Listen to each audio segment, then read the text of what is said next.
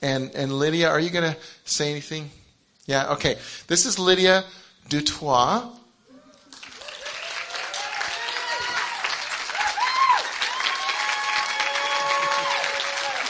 Let me explain the one thing. Thank you for honoring her.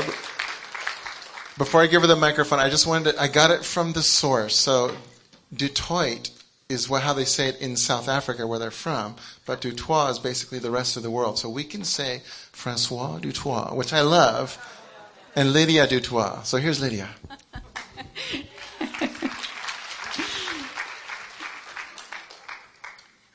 Hallelujah. Precious Jesus.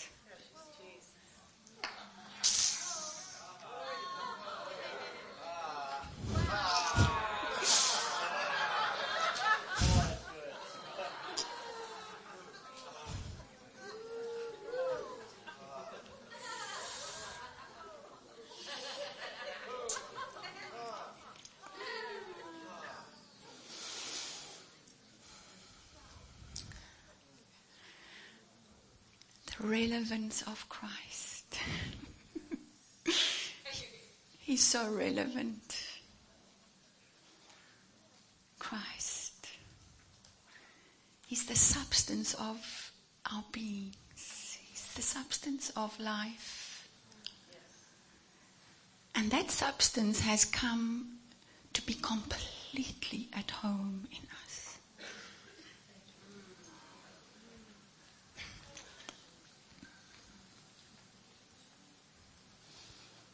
He wants to occupy everything.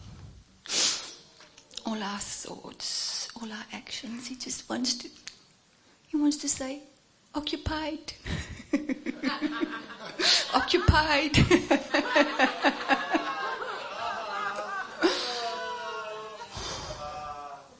Thank you for your love. Thank you. Beautiful darling. My precious one.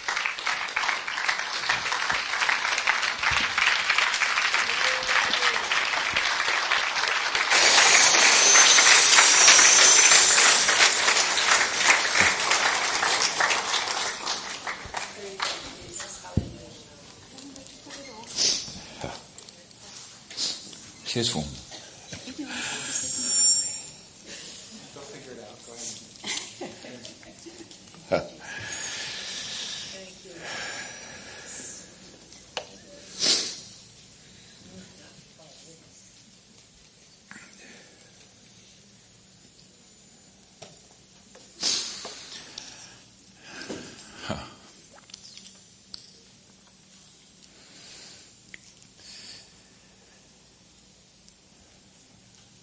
Lydia and I had the joy to visit Yosemite.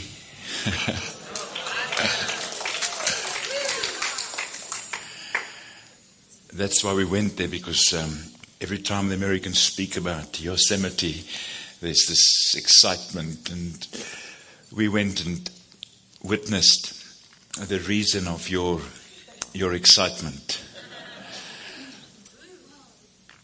And uh, we spent three nights on the floor in Yosemite Valley. And uh, we were totally overwhelmed. Someone said to us before we went there, they're sure that that's the place where God knelt down and kissed the earth.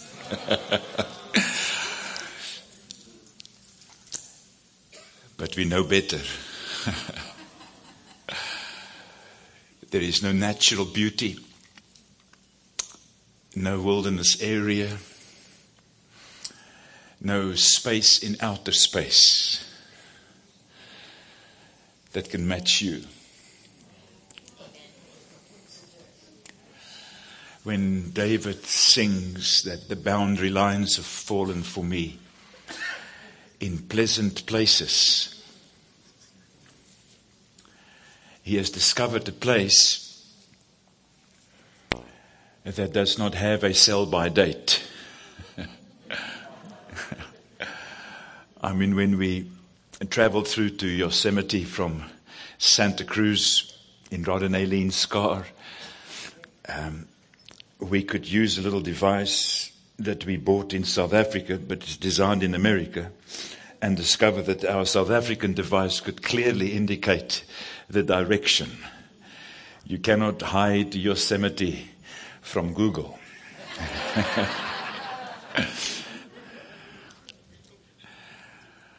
and um, getting there was absolutely overwhelming. But somehow, you know, you, you want to explore everything that the brochures declare in your brief stay, in your brief visit. And um, very soon, three nights come and they go. and we have only touched the surface. I remember as a kid, we used to travel every year to visit my grannies. Both my parents parents lived in Hermanus, where we now live. And we would anticipate a year in advance our summer holidays, which is in South Africa over Christmas, of course. And, um, and you'd literally count the days down. And then somehow the brilliance of the moment would almost be spoiled by the idea that this holiday too will just come and go. now we live in Hermanus. But I'm so glad that we've discovered a place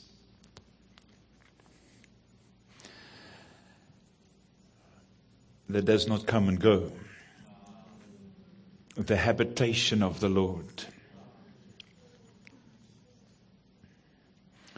The boundary lines have fallen for me in pleasant places.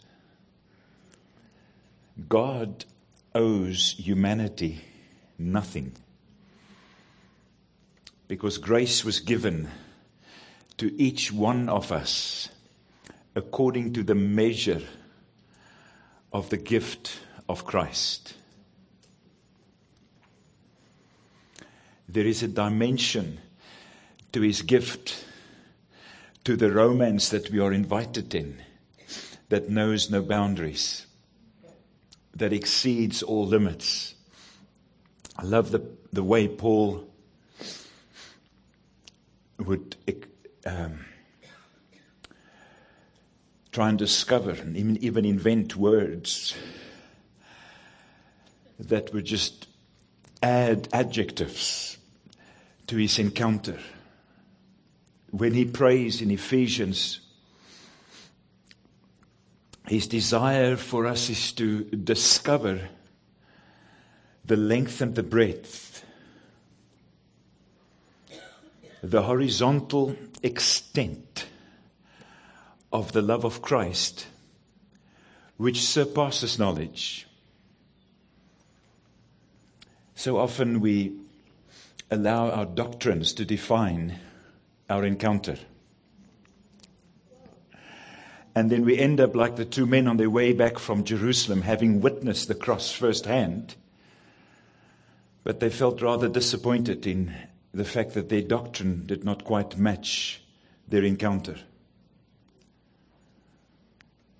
Until Jesus joined them, and Luke interviews them years later, and Luke wants to get to the bottom line, and he Luke is surprised to, to hear that they have traveled all this way to Emmaus and still did not recognize him.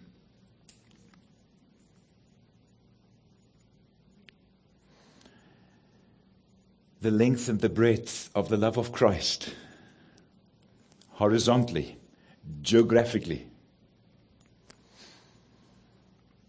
surpasses knowledge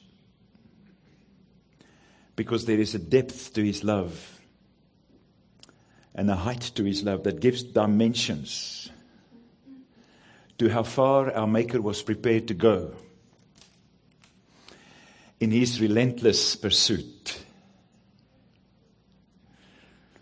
I'm so glad that Luke 15 tells us the same story in three parables, revealing the shepherd's heart, the Holy Spirit's heart, the woman who lights the lamp in the house, and the Father's heart.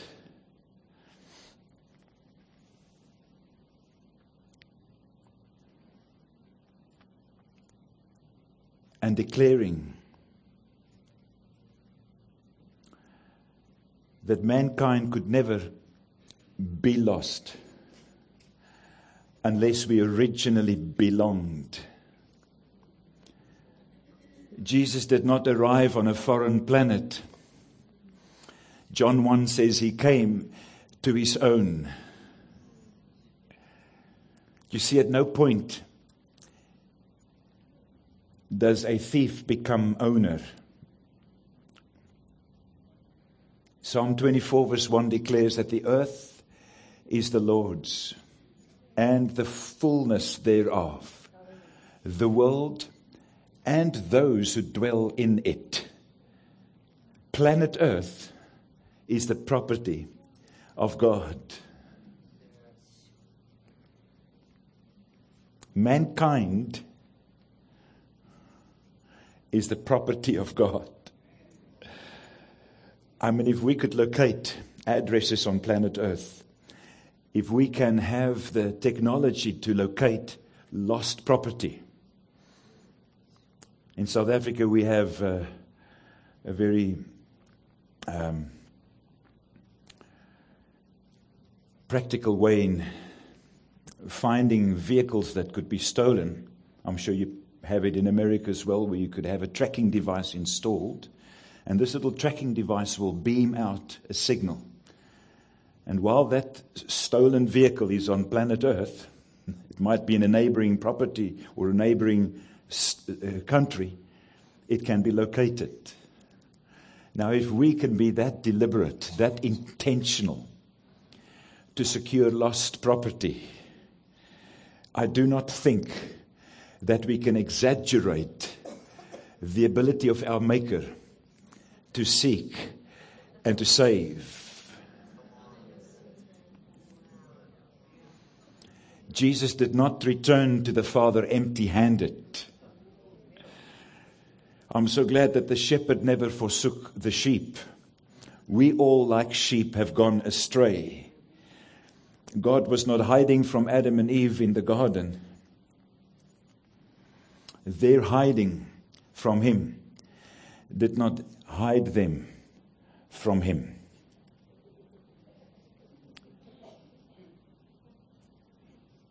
He is the relentless pursuer. and tonight we celebrate a gospel that declares God's initiative. A gospel that declares that before we sought Him, he was ready to be found by us. He said, Here I am. Isaiah 65 and verse 1. And then he repeats it. He says, Here I am. And I was pondering that repetition. I enjoy allowing the thought of the word to arrest my thinking. And I would ponder why would God repeat, Here I am? And then suddenly dawns on me that mirror language declares his closeness. You see, God is not hiding somewhere in outer space. Paul is not declaring a mere historic Christ, a Christ in history.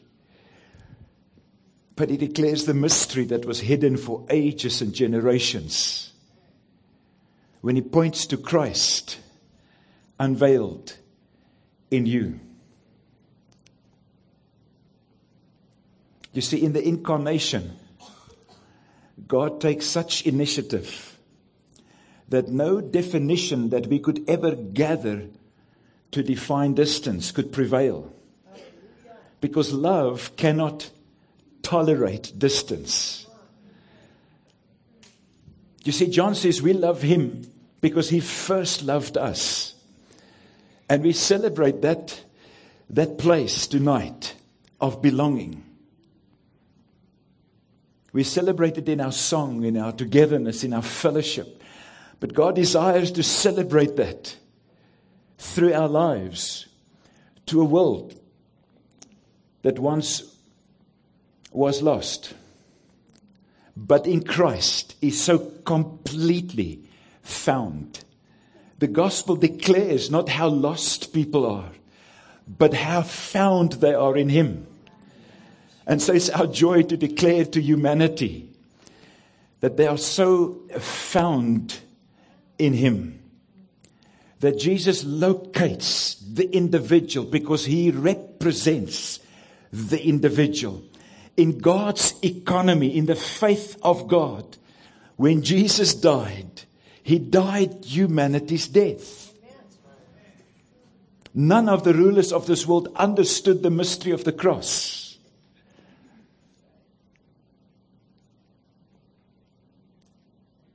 But in this one man, God embraced the entire human race.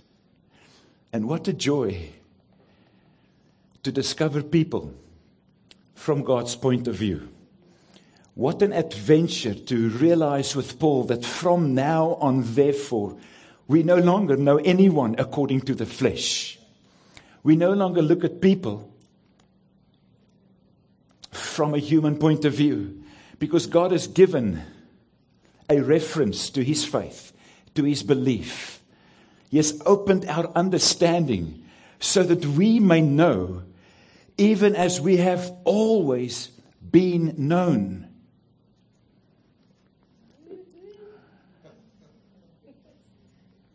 One of my favorite scriptures in the entire Bible is in Jeremiah 1, verse 5, because it is just such a constant. When God says to Jeremiah, I knew you before I formed you in your mother's womb. While we're about to celebrate Mother's Day, this is a good enough scripture as any other one would be for Mother's Day. Before you were a twinkle in your mother's eye, he says, I knew you. It is not your brief history on planet Earth that introduces you to your Maker.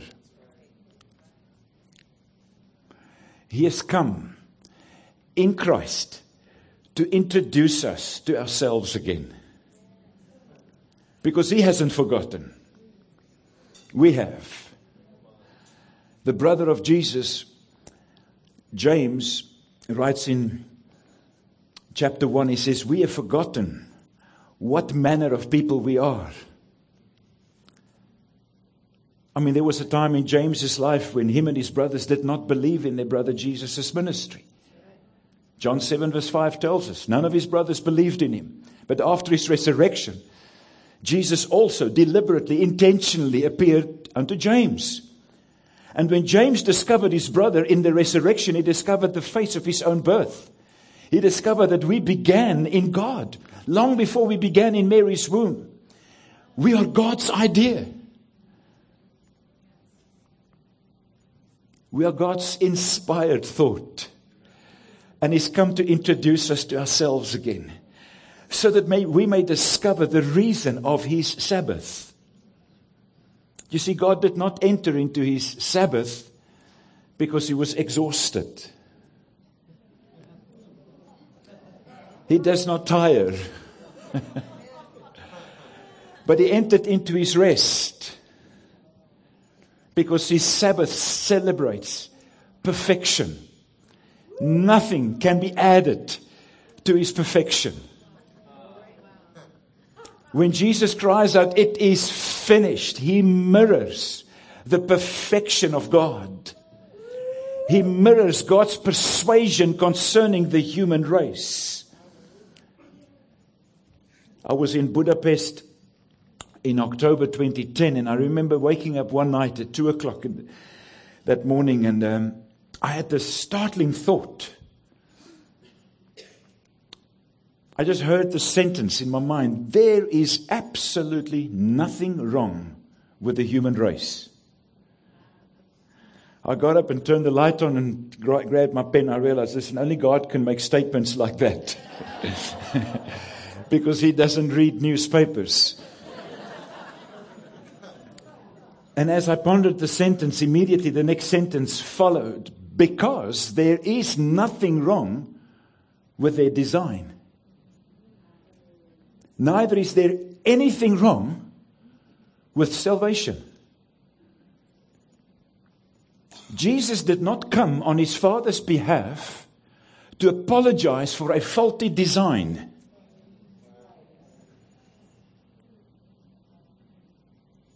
Jesus came to prove in the incarnation, the Word made flesh, that the human body was the very space that God had in mind when He measured His image and His likeness to be unveiled in human form. Jesus vindicates your design. He proves that God did not make a mistake when He made the human body.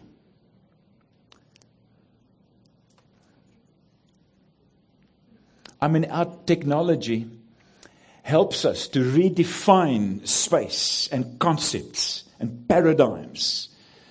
We, we talk gigabytes and terabytes like it's our mother tongue.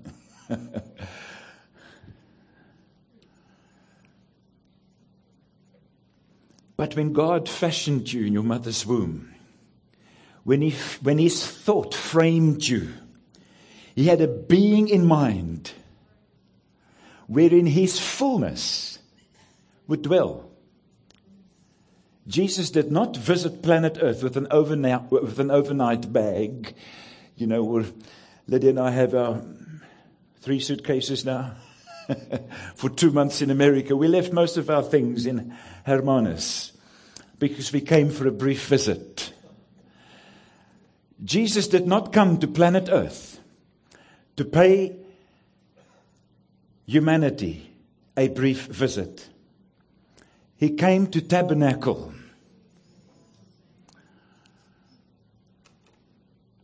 in human form. The man Jesus Christ declares that humanity is the address of God. Remember how shocked the Jews were in John chapter 2, verse 19, when Jesus says, Destroy this temple, and in three days I will raise it up. You will destroy this temple, I will raise it up. In three days. They did not immediately understand him. They only had one idea of temple, and it was this holy building in Jerusalem. When all along God indicated that your buildings are too small. I mean, outer space cannot measure him. But the fullness of deity dwells in bodily form. Oh, yes, we say in the person of Jesus Christ. Oh, no, says Paul, in you. you see, when God shows up on planet Earth in the Messiah, he says to a people who did not seek him, Here I am. And the moment we hear him, we echo, Here I am. So that we now with unveiled faces may behold his glory, but not as in a display window, as in a mirror. Do you know that you are his glory? You are his workmanship, created in Christ Jesus. God has no other mold in mind but his fullness, his completeness, unveiled and realized in you. Destroy this temple, and in three days I will raise it up. What temple was Jesus speaking about? Jesus often quotes Hosea chapter 6 and verse 2. Hosea 6 verse 2 is the only scripture in the entire Old Testament that speaks specifically about the third day resurrection. And you know what makes the scripture so amazing? The prophet Hosea, who prophesies this 800 years BC, is pointing us prophetically to the third day resurrection. He says, after two days, he will revive, and we would think he was going to say, the Messiah. But you know what he says? He will revive us. On the third day, he will raise us up. Imagine Paul reading that. And lightning strikes his spirit. And he writes to the Ephesians, he says, Hey, you know why I desire your minds to be flooded with light? I want you to understand the height to where we as human beings are elevated in his resurrection. Paul says in Ephesians 2, verse 5, he says, While we were still dead in our sins. Now, that sentence puts our effort to become something out of the equation. Because you cannot go more dead than dead. I mean, here's Ezekiel witnessing a valley of dry bones, not a valley of half dead people, you know. About 50% could still, you know, if we really, you know, take good care of them, we might be able to bring them back to life. But this is beyond hope. and he says, Ezekiel, can these bones live? And Ezekiel plays it safe. He says, Oh Lord, thou knowest. we pray like that sometimes. We just put the ball back in his court. Thou knows. And then God puts his word in Ezekiel's mouth and he says, You prophesy. You see, God sees the resurrection as the resurrection of his image and his likeness in human form. So when Paul says, while we were still dead in our trespasses and sins, totally disqualified from any kind of claim on any favor from deity, while we were still dead, none of us understanding what was going on, God co quickened us. Now, I love the Bible. I study the book. I love the book. But I tell you what, if you miss this, you miss the whole book. Because the point of this book is not an historic Christ. The point of this book is an unveiling of God's eternal thought. And if He knew you before He formed you in your mother's womb, at what point did you leave His thought? I am so glad that Adam's transgression did not distract from God's Sabbath.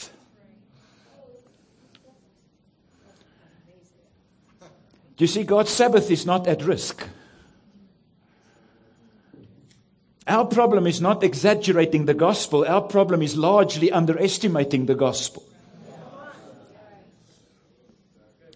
Exceedingly, abundantly, above all. Now that's Paul for you. He goes to the extreme. He says, You want to go to the extreme. Begin to study your life in the context of the love of Christ. We are never called to study love as a subject because you'll miss the point. It's discover you. You see, the whole book's about Jesus, but the whole of Jesus is about you.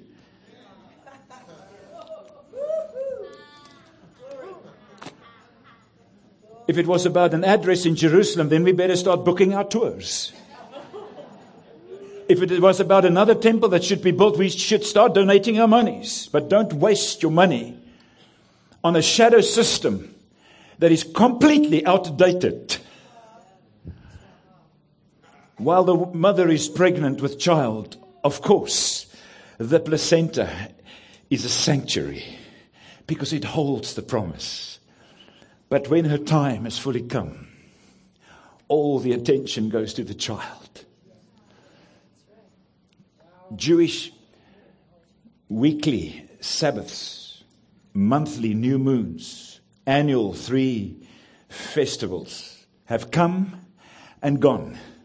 Their significance now points to the living, risen body of Christ, the sanctuary of God raised in three days. Not some dilapidated building. Do you speak like that in American? Do you call it dilapidated? Like a building that's kind of just barely making it. But perfect in splendor. you cannot do anything with your willpower to add to your splendor. You can do nothing to add to your righteousness, to your blamelessness, to your spotlessness, to your holiness, because you cannot do anything to add to your redemption.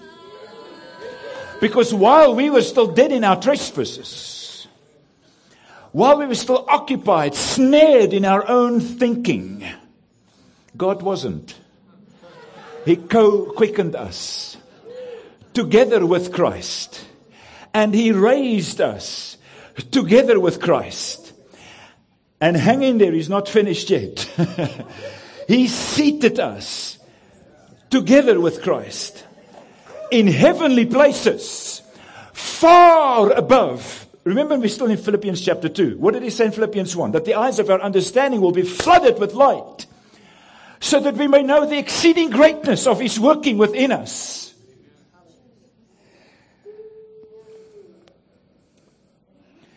When he raised Jesus, you see, in Ephesians 3, Paul speaks of this four dimensional extent. In the original language, he first of all speaks about its horizontal extent, the length and the breadth. If you want to go geographic, you might as well include the ends of the earth. But then Paul gives us a glimpse of the depth beyond our understanding. I'll just read you a little note here.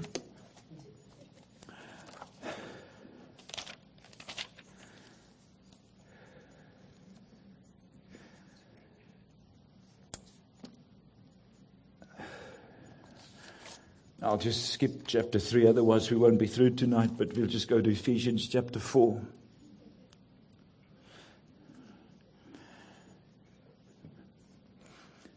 Verse 7,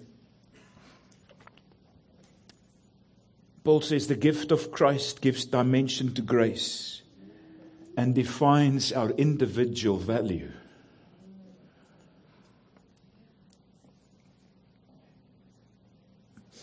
He says Scripture confirms that He led us as trophies in His triumphant procession on high. Paul is quoting Psalm 68, verse 18 here. He says Scripture confirms that He led us as trophies in His triumphant procession on high. And then in the mirror, I translated it directly from Psalm 68, verse 18. He repossessed His gift, which in brackets is his likeness in man. The Hebrew says ba Adam, in Adam.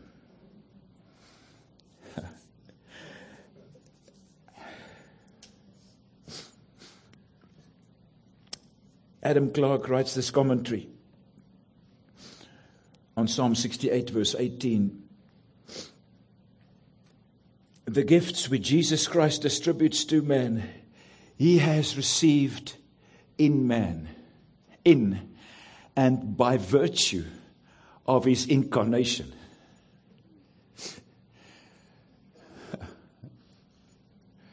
No wonder when James sees Jesus, his brother, in the resurrection, he discovers himself. He says, Every good and perfect gift comes from above, from the Father of lights, with whom there is no shadow due to change.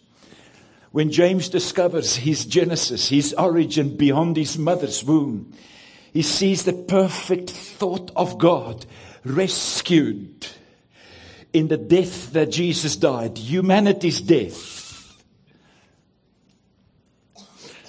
He says that he sees the image and likeness of God rescued in the resurrection of Jesus, in the face of our birth. No wonder Peter writes about this in 1 Peter 1 3, and he says, We were born anew when Jesus was raised from the dead. In three days, Jesus says, I will raise up the building that you destroyed. And if God does not dwell in buildings made by human hands, what building does He have in mind? But your body, your being, occupied occupied.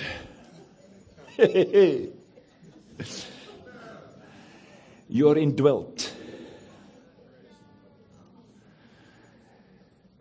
The problem with our often clumsy efforts to try and define what faith alone can reveal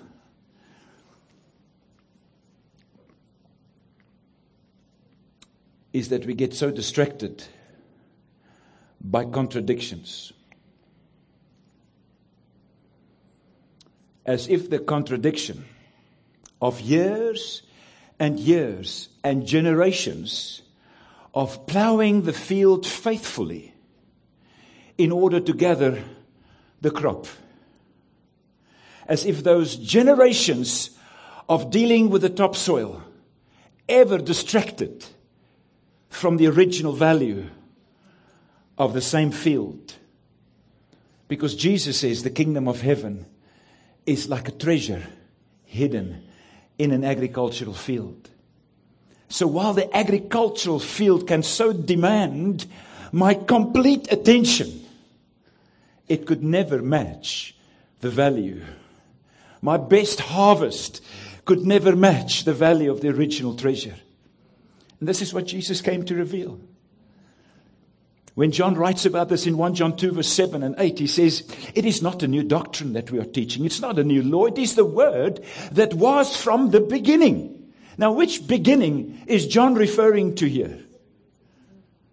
Beyond Moses, beyond Adam. When he writes in John chapter 1, he says, In the beginning, before time was, the logic was, the logos, the thought of God. There where you and I lived when He knew us, before He formed us in our mother's womb. In 1 John 2 7, He says, It's not a new word. This is the word that was from the beginning.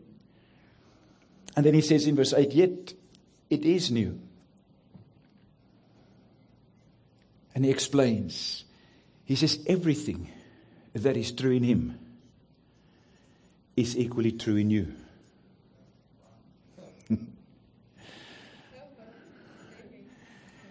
When I enter an address in America in my South African telephone, I don't get a message that says, sorry, we only do Africa here. This, is, this if, if this can go global, how much more global can your gospel go?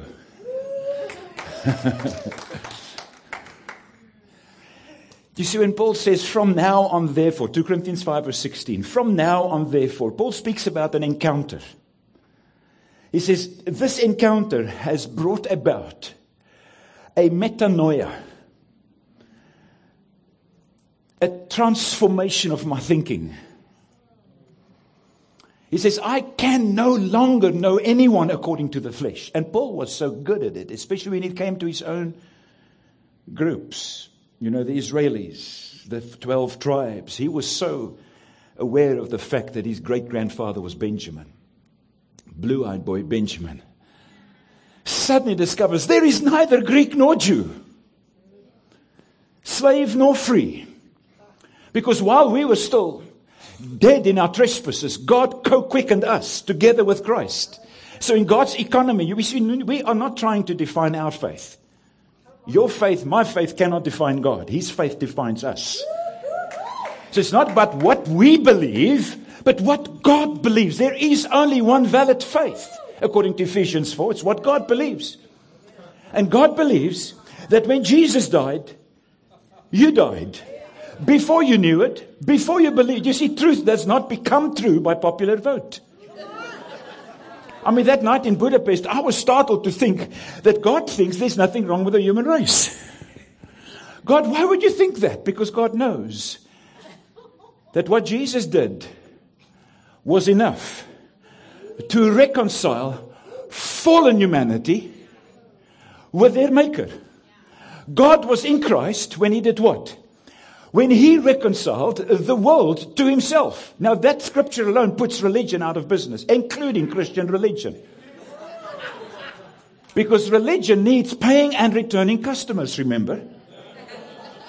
So, if something already happened to the human race without their contribution, then we're talking about what God believes. And God's faith does not become faith when you and I finally get it. A diamond doesn't become a diamond when you finally discover it. It's already been a diamond. But now, in God's persuasion, the gospel appeals to our understanding. Because Paul writes in Colossians 1 verse 6, he says, From the day that you heard and understood the grace of God in truth. Whose truth? The truth as it is in Christ. You see there's a greater truth about you than your often contradictory realities?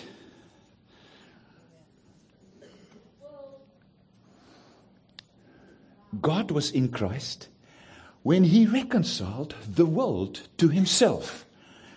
Now, if the world's reconciliation was his doing, was there anything wrong with his doing? Did Jesus just kind of say something nice and positive at the end of the cross and say, Well, it is finished.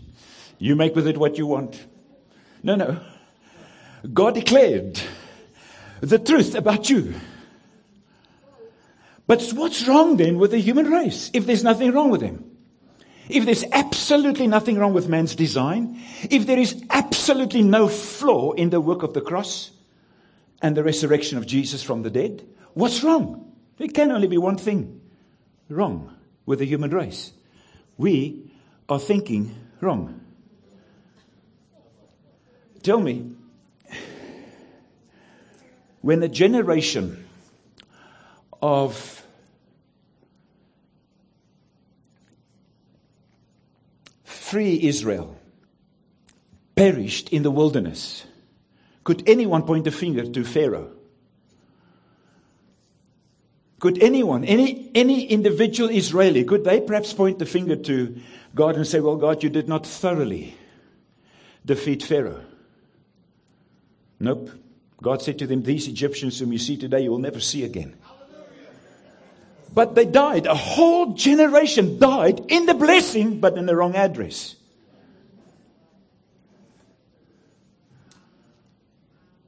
Outside of God's promise that the nations are your inheritance. They did not die in the desert because of an inferior salvation. They died there, says Hebrews chapter 4, because of one reason because of unbelief. What was their unbelief all about? Numbers 13:33. Their leaders convinced them that you are grasshoppers.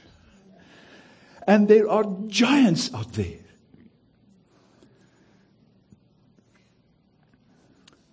And they bought that lie.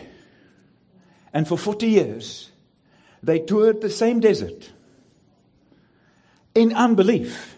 Do you know that faith has nothing to do with the supernatural? I mean, they had supernatural confirmation of the blessing and the goodness of God. 24 hours times seven days a week times 40 years, and yet they died on the wrong side of the promise. Because of one reason they continued to believe a lie about themselves.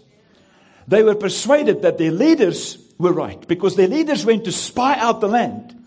You see, if you study scripture with a question mark, you'll come back with a much bigger question mark. There's no book more confusing and more dividing than the Bible. But there were two others. Caleb and Joshua saw the same giants. But instead of going in there with a question mark, they went in with an exclamation mark. Fresh in their memory was a defeated Pharaoh. They were not about to preach a defeated devil back into business. They were persuaded that what God did in Pharaoh was enough. Even after 40 years of other people's unbelief, Caleb says, Hey, I'm as strong as I was 40 years ago. We have no fingers to point to anyone else's unbelief. The moment we discover the truth about our redeemed innocence, our redeemed identity, our next sentence is God, give me the nations. Because God says, Today I have begotten you. What day was he speaking about? The day when he raised Jesus from the dead. We were born anew, remember? When?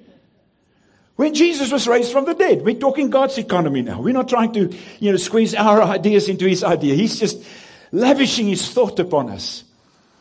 He says, In my mind, you were co quickened. In my mind, you are co seated together with Christ in heavenly places. You cannot go any higher. But through unbelief, the God of this world blindfolds the minds of the unbelievers to keep them from seeing what? The light of the gospel. What does the light of the gospel reveal?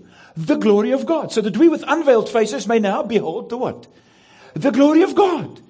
As in a mirror. he says, all flesh shall see it because every high place shall be brought low. Remember God's detail in Isaiah 40? Every valley shall be filled up. Not 90%, every, 100%. Every possible excuse that we could have to feel distanced from God. Religion would want to highlight the valleys and the mountains and all those crooked places, not to mention the rough places. Religion would love to write volumes of Christian libraries on irrelevant history. You only have one history and it's his story. What is true of him? What is true of Jesus is equally true of you. You did nothing to make it true. It's true because the truth is in Christ. And God is in His Sabbath. He rejoices over you with dancing. And His gospel awakens our understanding. Because He says the, the heavens are higher than the earth, so are my thoughts higher than your thoughts. Remember Isaiah 55? And we get all nervous when we read that. We say, oh yeah, well that explains it, you know. We cannot tap into God's thoughts because God's thoughts are higher than our thoughts. And God's ways are higher than our ways. And we continue to lap the same wilderness in the same darkness that we bought from our forefathers. He says, do not say there are yet four months. Then comes the harvest. You are looking at the wrong crop. You're not designed to live by bread alone there is another bread that he wants us to feast from. Those two young men, when Luke prompted them in his interview, remember Luke 24, he says, At what point did Jesus reveal himself? They said, Well, our hearts ignited while he was reading scripture. I mean, familiar scriptures from Moses through the prophets never sounded like that before. Because our hearts ignited with an understanding you know when your heart ignites? Is when you see you in his face. When you see you in his eyes. In God's economy, it's all about you. The shepherd left the 99 and pursued the one until he found it. Every knee shall bow every tongue declare his lordship. God is not about to quit on the human race. Don't get distracted by doomsday prophets. They don't only have their dates wrong, they have their doctrine wrong. Because Jesus cried out when the Greeks were there. Remember the Greeks came representing the nations in John chapter 12. The Greeks came. Why? Because they so wished to hear, to see what the rumors reported concerning this man Jesus. They wanted to see it as eyewitnesses.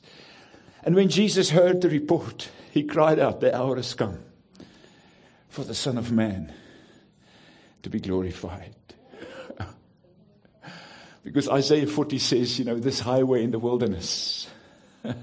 it's not a little escape route, you know, that gets all blown over with the next sandstorm. It's a highway. its dimensions cannot be exaggerated in length and breadth, in depth and height. He who ascended is also he who descended. And David discovers him there. He says, Even if I make my bed in hell, you beat me to it. A highway shall be there in the wilderness.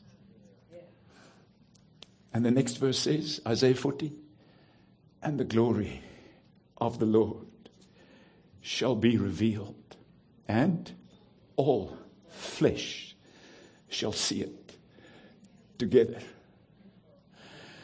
It's time for the table to be discovered again in the temple.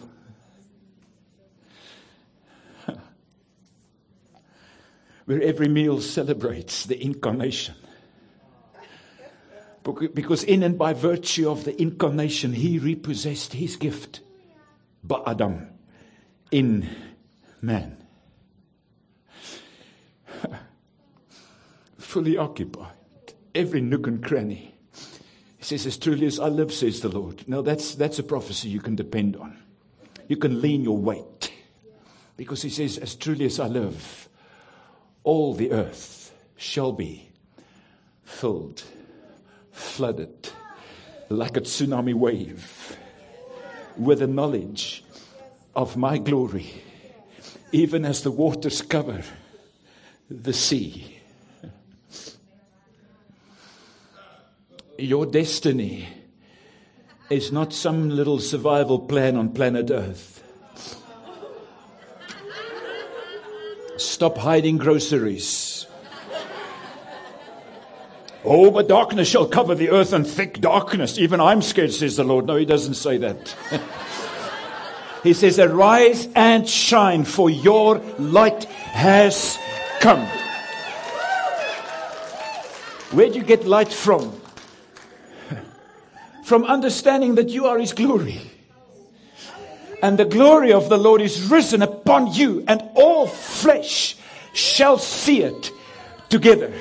If Yosemite cannot be hidden, if the Victoria Falls in Livingstone, Africa could not be hidden, one of the most remote places you can imagine, but they constantly build bigger runways for more aircraft to pour people in, to go and witness the spectacle of some natural wonder. You exceed the dimensions of Yosemite.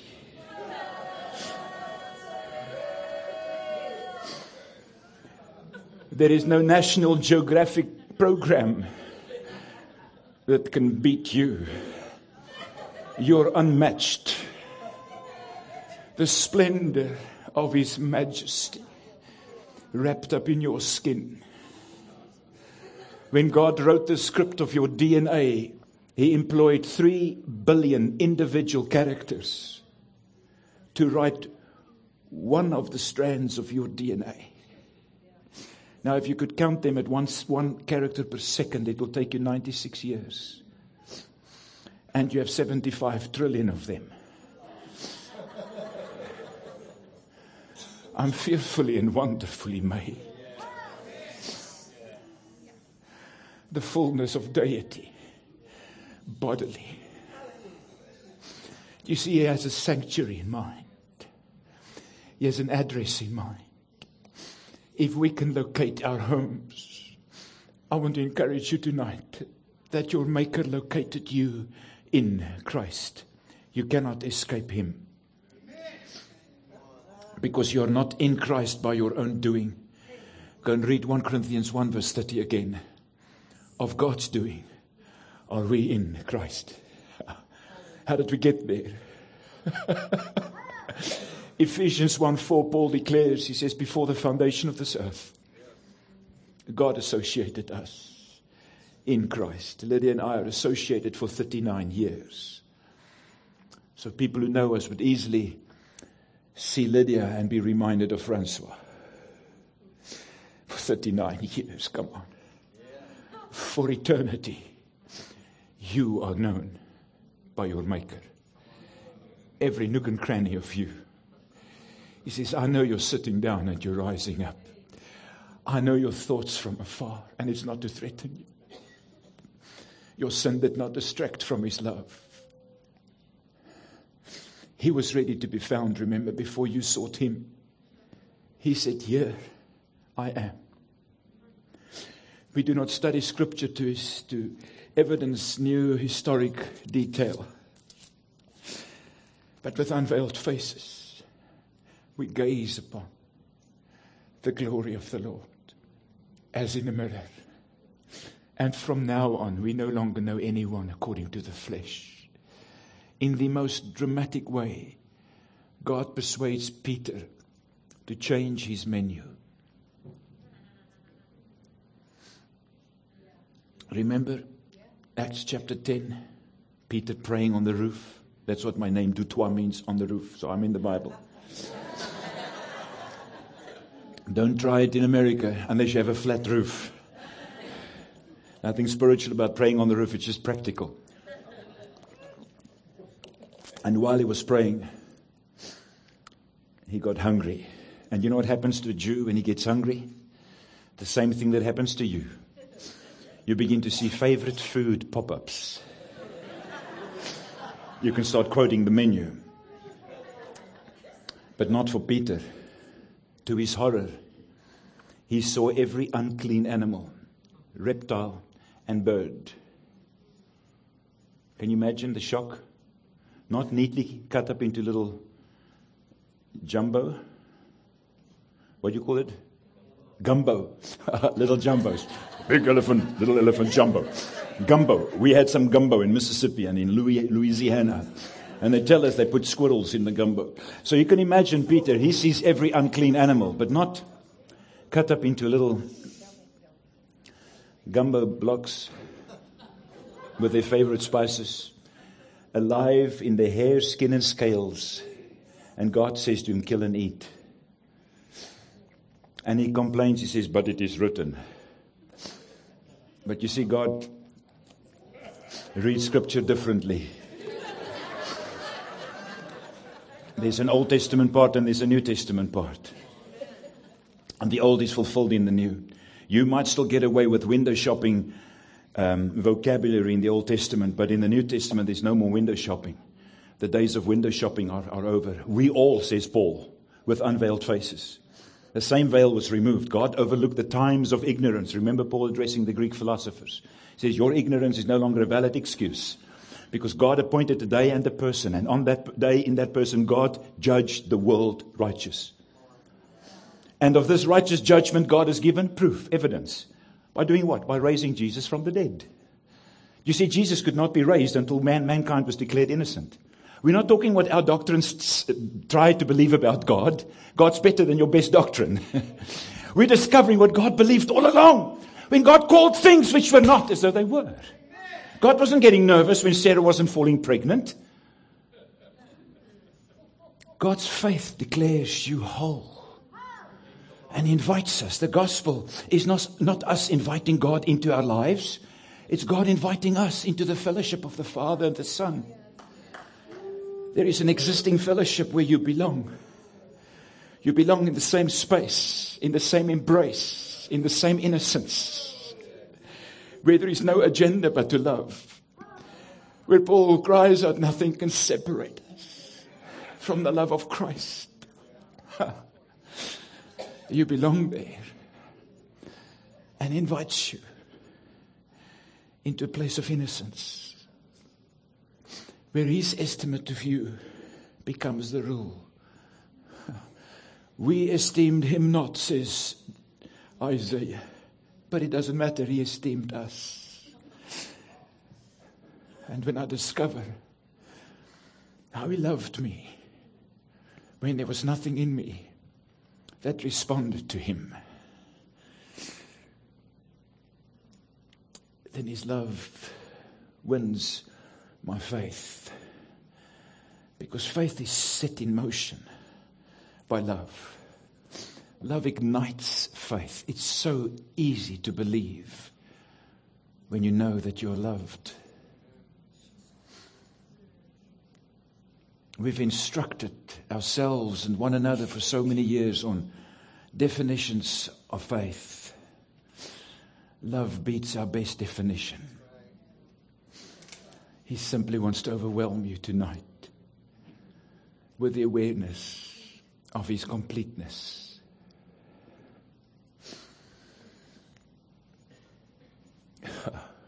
he declares you innocent. Having made purification for sins, remember? He sat down. The throne room of God is established upon the fact of humanity's innocence. Oh, but who is worthy to open the book, to break the seals? Says John in chapter 5 of Revelation, the book of Revelation.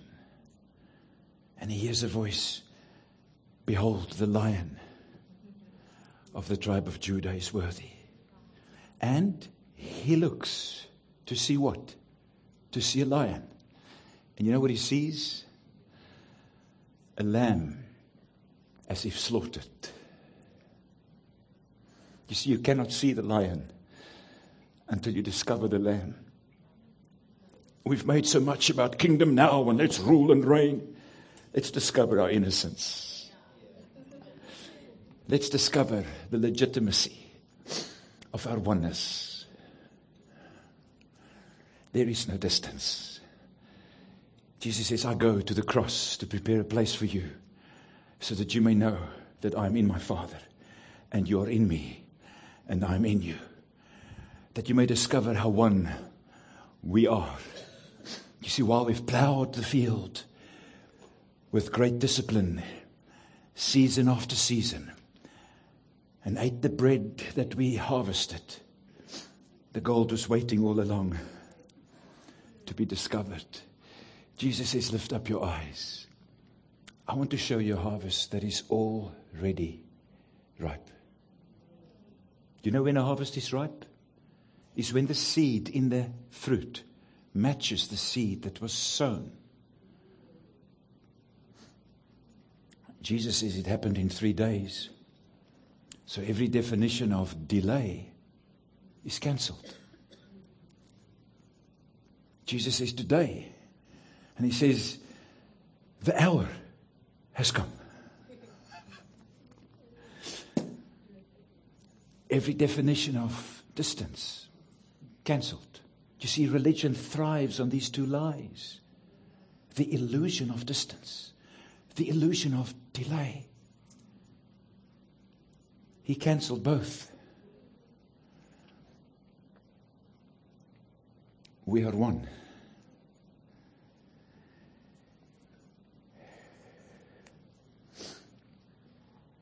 To know the truth about everyone ignites the greatest adventure that you and I could ever engage in.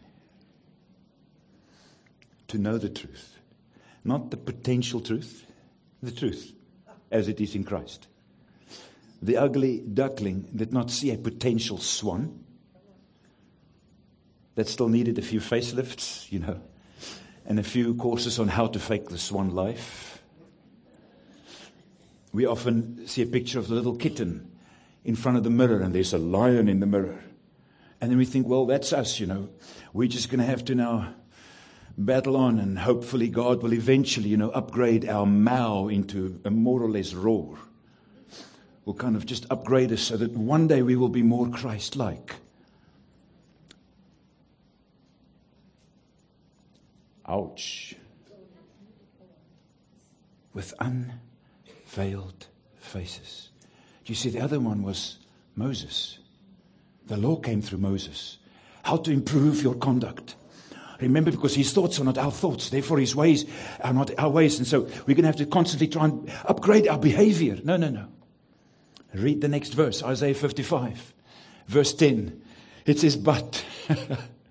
He's just set the stage. He says, Picture this heaven, earth. My thoughts, your thoughts. My ways, your ways.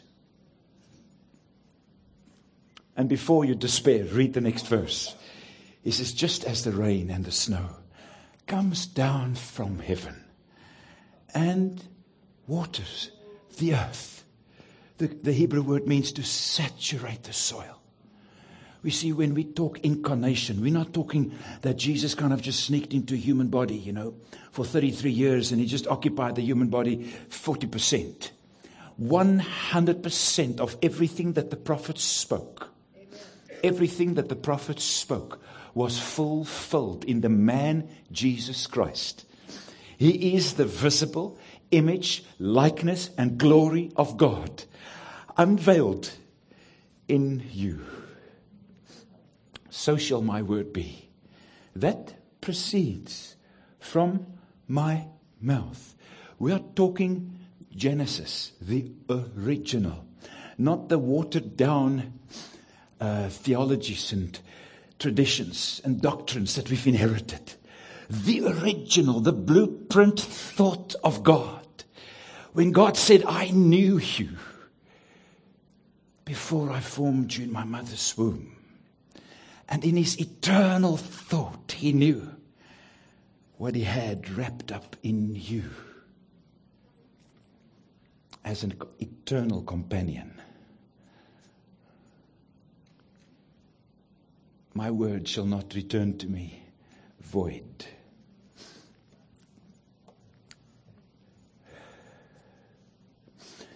I'll just read you Ephesians 4, verse 8 again.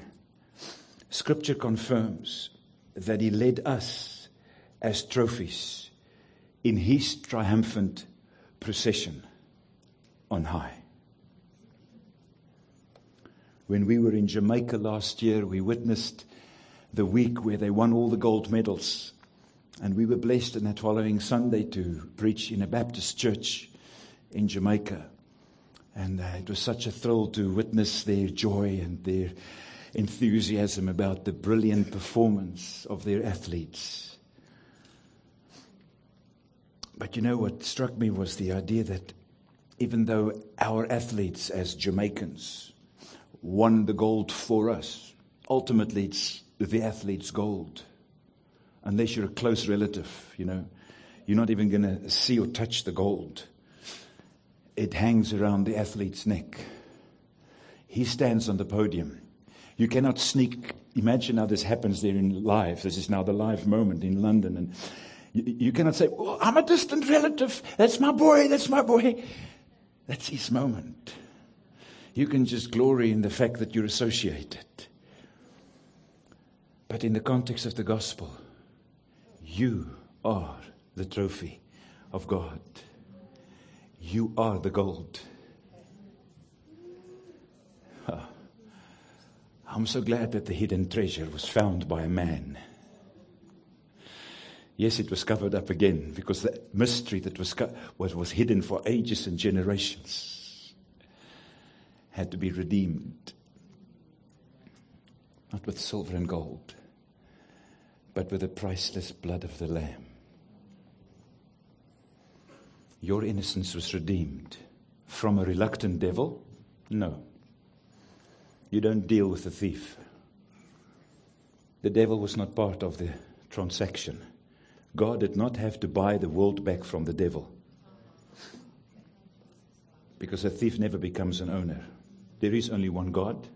You can go and read verse 6 if you want to. Ephesians 4. He remains the ultimate father of the universe the father of lies could never qualify to become a true father. God did not redeem you from the devil. Why the cross? Because what we believed about ourselves had to die.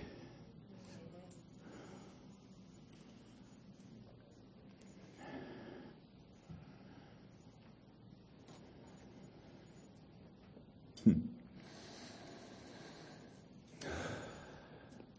Thank you, Jesus. Hebrews chapter 6, verse 17. God desires to show more convincingly to the heirs of the promise the unchangeable character of his purpose. So, what does God do? He persuades us of our original value. of an innocence that predates Adam's fall. For so long we had to filter our concepts of innocence to Adam's fall, through Adam's fall, through our own sins. But God has another reference. He says, Of your sins and your iniquities, I will think no more. Do you know that God never had a problem with sin consciousness? We did. So He allowed us to crucify Him. God was in Christ when he embraced fallen humanity in himself. And now from within us, he pleads. Can you hear the father pleading with the other brother? My son, you have always been with me, and all that I have is yours. He's pleading with an already reconciled world. Not to become reconciled. You cannot become something that you are. That was Eve's problem. To be reconciled. Arise and shine, for your light has come. The true light that enlightens every man has come. The God of this world, the systems of the religion of this world wants to blindfold the minds of the unbeliever. Who's the unbeliever again, according to Israel's prophetic pattern? Those who believe a lie about themselves. That's the unbeliever. It's not what I believe about God, it's what I believe about me. That's what God came to convince me of. So that I can discover the truth about me. Jesus says, if you continue in my word, what does that mean? If I take the prophetic picture to its conclusion, then what do I discover? You will know the truth. And the truth will set you free. You free. For whom the Son sets free is free indeed. You cannot become more free than discovering sonship. Because the Spirit of God echoes from within you Abba, Father. He endorses sonship. Thank you, Father. Thank you, Father. I want to encourage you tonight to metanoia. Unfortunately, we have used that Greek word and wrote in its stead a Latin word that became adopted in our English vocabulary. One of the first words that Luther should have erased out of the Luther translation should have been the word repentance, because it's not a Bible word. It's a Latin word that means exactly what it says penance. And because religion needs paying and returning customers, they added a re to it. Repentance. I mean, we, we're making a massive statement, but that is the absolute truth. You can go and Google it, or you can save yourself the trouble and just go and read Why the Mirror translation in the introduction. The Greek word metanoia does not even have a hint of the English word repentance or repentance. You cannot buy favor from God, especially not if it's paid for.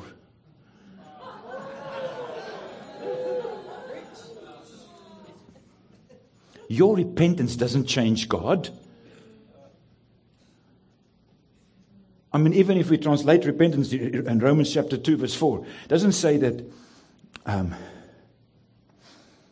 our repentance leads to God's goodness. It says His goodness leads to metanoia. You cannot influence God to love you more. You don't need to claim another promise in the book when you discover how claimed you are in every promise. Every single promise is already claimed. Every promise is made yes in Jesus. Discover the truth about you, and metanoia happens. Meta is the Greek preposition that means together with. Now, you cannot together with on your own.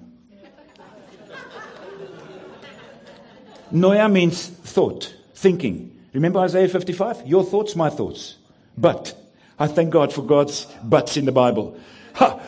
As the rain and the snow marries the earth in the incarnation, his gifts in and by virtue of the incarnation his thoughts entwine with your thoughts. That's what Isaiah 40, verse 31 means, the Hebrew word. They that wait upon the Lord. It's not a waiting for God's next move. No, no. It's an intertwining word. The word kavah in the Hebrew means to entwine. If we can Bluetooth with compatible devices, how much more compatible can you be with the faith of God? When He knitted you together in your mother's womb to know what He knows about you to see what he sees, to say what he says, to agree with God about you. You don't have to upgrade your device to become more compatible. You're as compatible as you'll be for all eternity. Every part of your being, every little ingredient of your incredible encyclopedia of your DNA echoes amen to the truth of his word. Just as the rain comes down and awakens the incorruptible seed, so shall my word be that proceeds from my, it shall not disappoint my resolve. My purpose shall prosper in you because of what Jesus has done when he declares it is finished. They that wait upon the Lord, kava, entwine, they shall mount up with wings like eagle, eagles and do what exhausted them yesterday. Run and not be weary, walk and not faint, because there is a dimension that God designed you for. Nation takers. I give you. You don't ever need to ask for daily bread again. he says, Today I have begotten you. You see, Jesus fulfilled that prayer. Now he says, Today I have begotten you. Ask of me the nations. He says, Peter, I'm going to show you three times what horrifies your Jewish mind. Even though you quote scripture back to me, the word is fulfilled.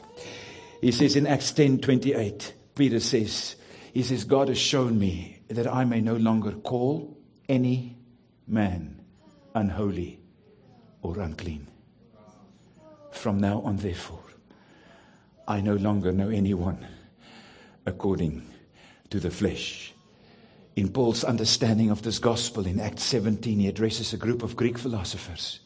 And you know what he says to them? The God of creation is closer to you than your next breath. He is not far from each one of us. You see, in the context of this gospel, there can no longer be an us and them. Lift up your eyes. I want to show you a harvest that is already ripe. One has died for all. Equals, in God's mind, all have died. And when he was raised, they all were equally raised. We've made so much of Romans 3:23. There's no gospel in 3 verse 23. The gospel is in the next verse. Let's read the scriptures with an exclamation mark. Because every crooked place was made straight. Every promise was made yes in Jesus. Jesus is God's yes to the human race. The danger is not to exaggerate the gospel. It is sadly to underestimate such a great salvation. If the half could not be told about Solomon's wealth and wisdom, to a lady that went to try and compare notes, remember the Queen of the South? Let's load the camels with our produce, our gold, our silver, our wood, our ivory, and go and impress a king who claims to be wise and wealthy in a desert? Behold, the half has not been t- told. And in Luke 11, Jesus says, A greater than Solomon is here. I dare you.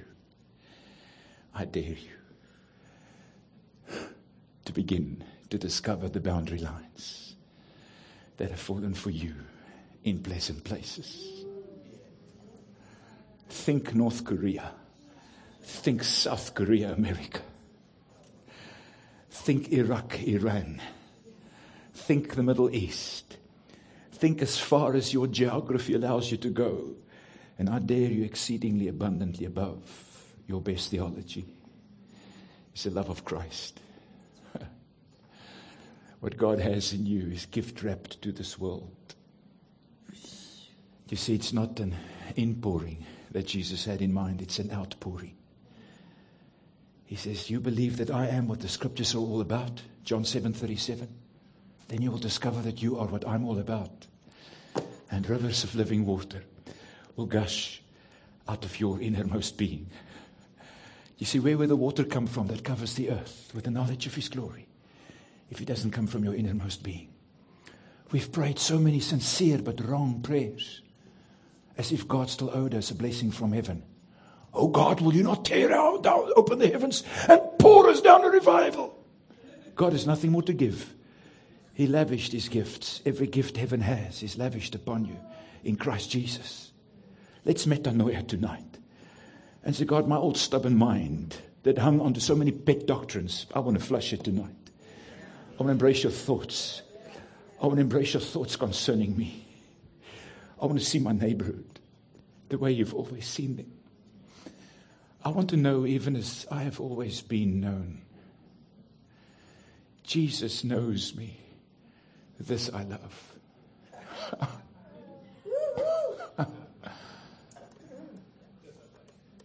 I thank you, Father. I thank you, Father. We lift up our eyes tonight, Father, as we see the nations represented in these flags around this building. We embrace Zimbabwe. We embrace Wales. We embrace the Ukraine. We embrace the nations of this world because we see a big enough gospel. A gospel that is beyond comparison to Adam's fall. We thank you, Father.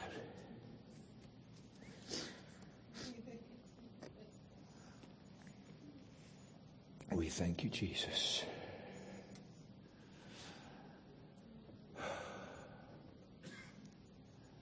I thank you, Lord.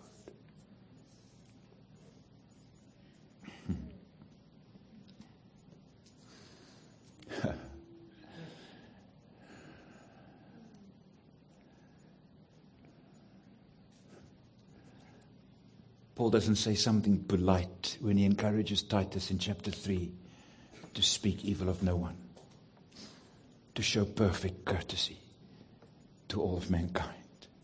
He just reveals the appeal of the gospel.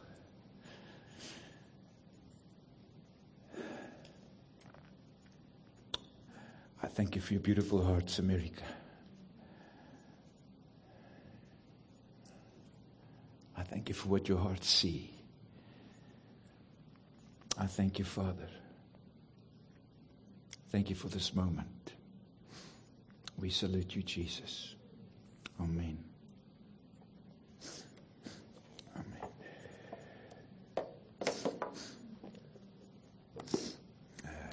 Thank you, Father. Thank you, my brother. Oh, you want to take this?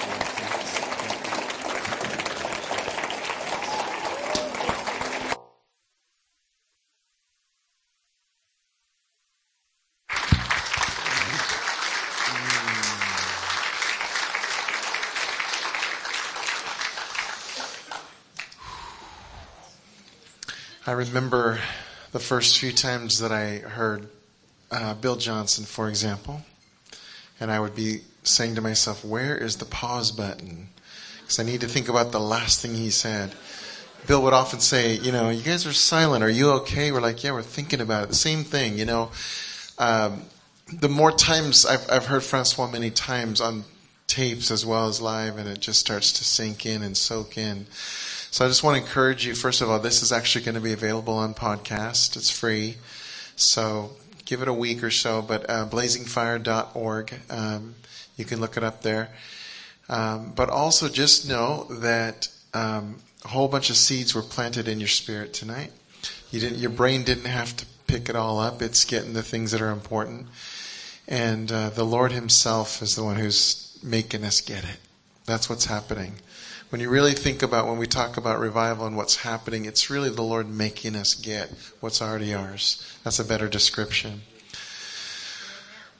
So, Holy Spirit, thank you. Thank you for depositing seed, and thank you that you've already put good soil in our hearts that's receiving it. And we invite you, Lord, to water that good seed and to cause it to grow. And we thank you, God. thank you that one day soon this is all going to wind up just like you said it is. Every knee is going to bow, every tongue is going to confess that Jesus Christ is Lord. wow. Can I um, can I invite the uh, prayer teams to come on up? There's I believe there's uh, both prayer teams.